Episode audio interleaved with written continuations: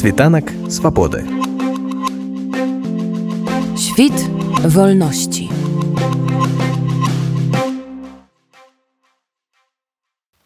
Гэтай школе выкладаюць музыкі, большасць з якіх з'ехала з Беларусі ў 2020 годзе.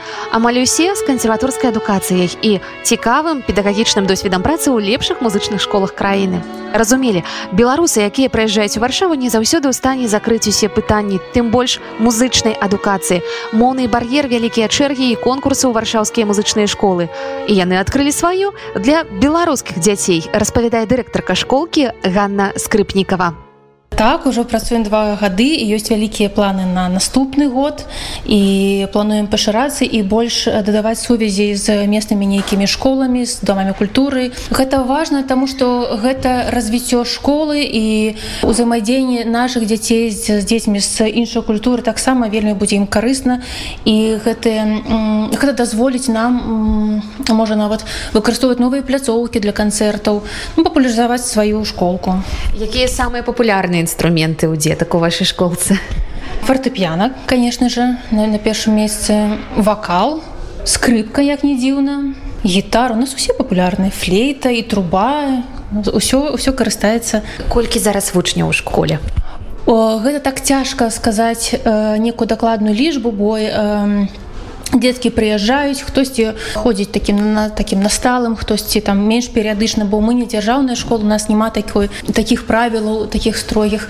Ну каля 40 дзяцей уже напэўна у нас ёсць, але мы плануем яшчэ больш. Аня ты доўгі час працавала ну даволі доўгі працяглы час сем гадоў у Беларусі у музычнай школцы, мы ўсе ведаем, што гэта адмысловыя патрабаванні, гэта адмысловы вучэбны план і вось калі ты адыходзіш як настаўнік ад гэтай схемы, што табе падабаецца вось у гэтых новых новых варунках ну тут есть канешне свои плюсы і свои мінусы с плюсаў ну конечно гэта больш свабоды больш свабоды у выбору рэпертуара больш свабоды для дзяцей якім можна показаць нейкія сучасныя творы даць ім то что ім сапраўды падабаецца то что яны там самі сабе там нешта выбралі абралі як табе было перастроіцца бо часамі так ну вось людзі з акадэмічнай адукацыі прафесійнай Ой ну это там попса можа быть мы что-нибудь такое больш да класікі так, цяжка цяжка цяжка жыць без тэхнічных залікаў без гам без эцюдаў але канешне мы іх даем. Даем без гэтага нікуды гэта тэхнічная база яна не павінна нікуды там знікаць. Але першы час было такая крыху цяжка як гэта так не на першым месяцы э, ну але жыццё такое что мы павінны мяняцца павінны нешта там замяняць павінны не ісці з часам у нагу. І ну, нормально ўжо нормально ось гэтыя канцэрты яны ж не часцей чым раз на год адбываюцца то бок для вас это важно рабіць такую справаздачу. Вельмі важно для нас гэтыя канцэрты. Гэта вельмі моцна матывуе і настаўніку і дзяцей і бацькоў усіх. Вось уже традыцыйна уже другі год ёсць два, два вялікія канцэрты.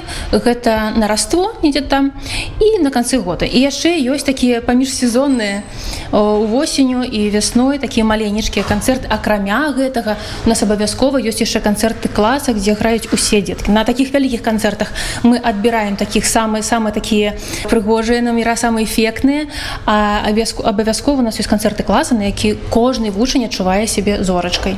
Музыку беларускіх кампазітараў граеце дзеці? Абавязкова і гэта таксама адна з наших таких э, мэтаў захаваць беларускую культуру не даць ёй знікнуць і працягваць гэтую традыцыю і граць штосьці і як і класічныя фальклорныя так і нешта новае. І сённяшні наш канцэрт таксама не выключэнне першая частка яго целиком яна прасвечана беларускай музыкі.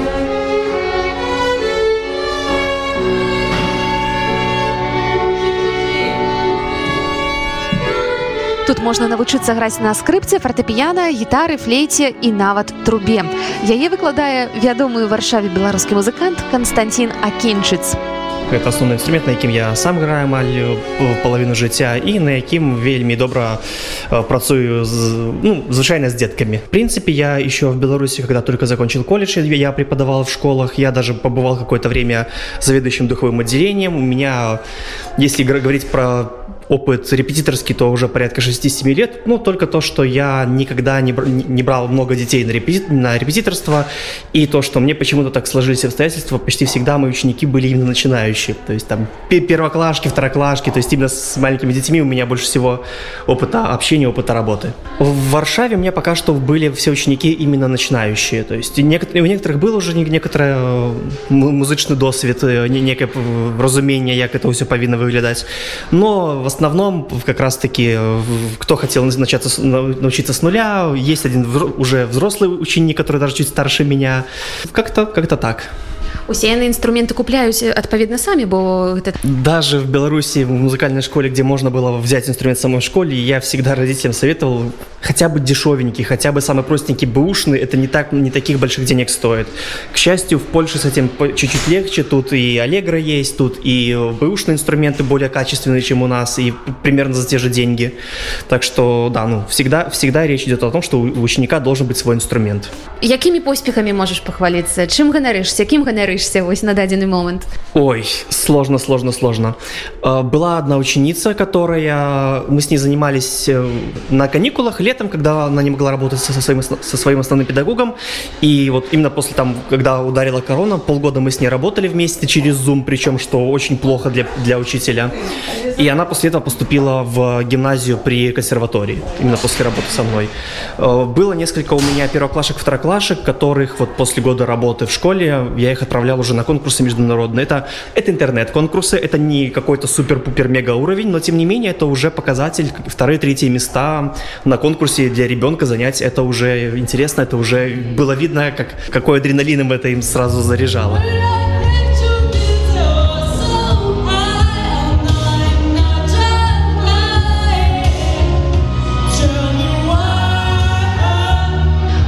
да выступлення рыхтуецца вучаніца спеўнага класа пытаюся пра заняткі ў беларускай музычнай школе Э, меня зовут Юлия, и я занимаюсь э, вокалом и фортепиано. Не знаю, я, наверное, хочу посвятить этому свою жизнь, скорее всего, вот. Ну, и мне это доставляет большое удовольствие, мне нравится музыка. Э, я ходила в Беларуси в музыкальную школу, ну и потом уехали, и вот нашли здесь школу музыкальную.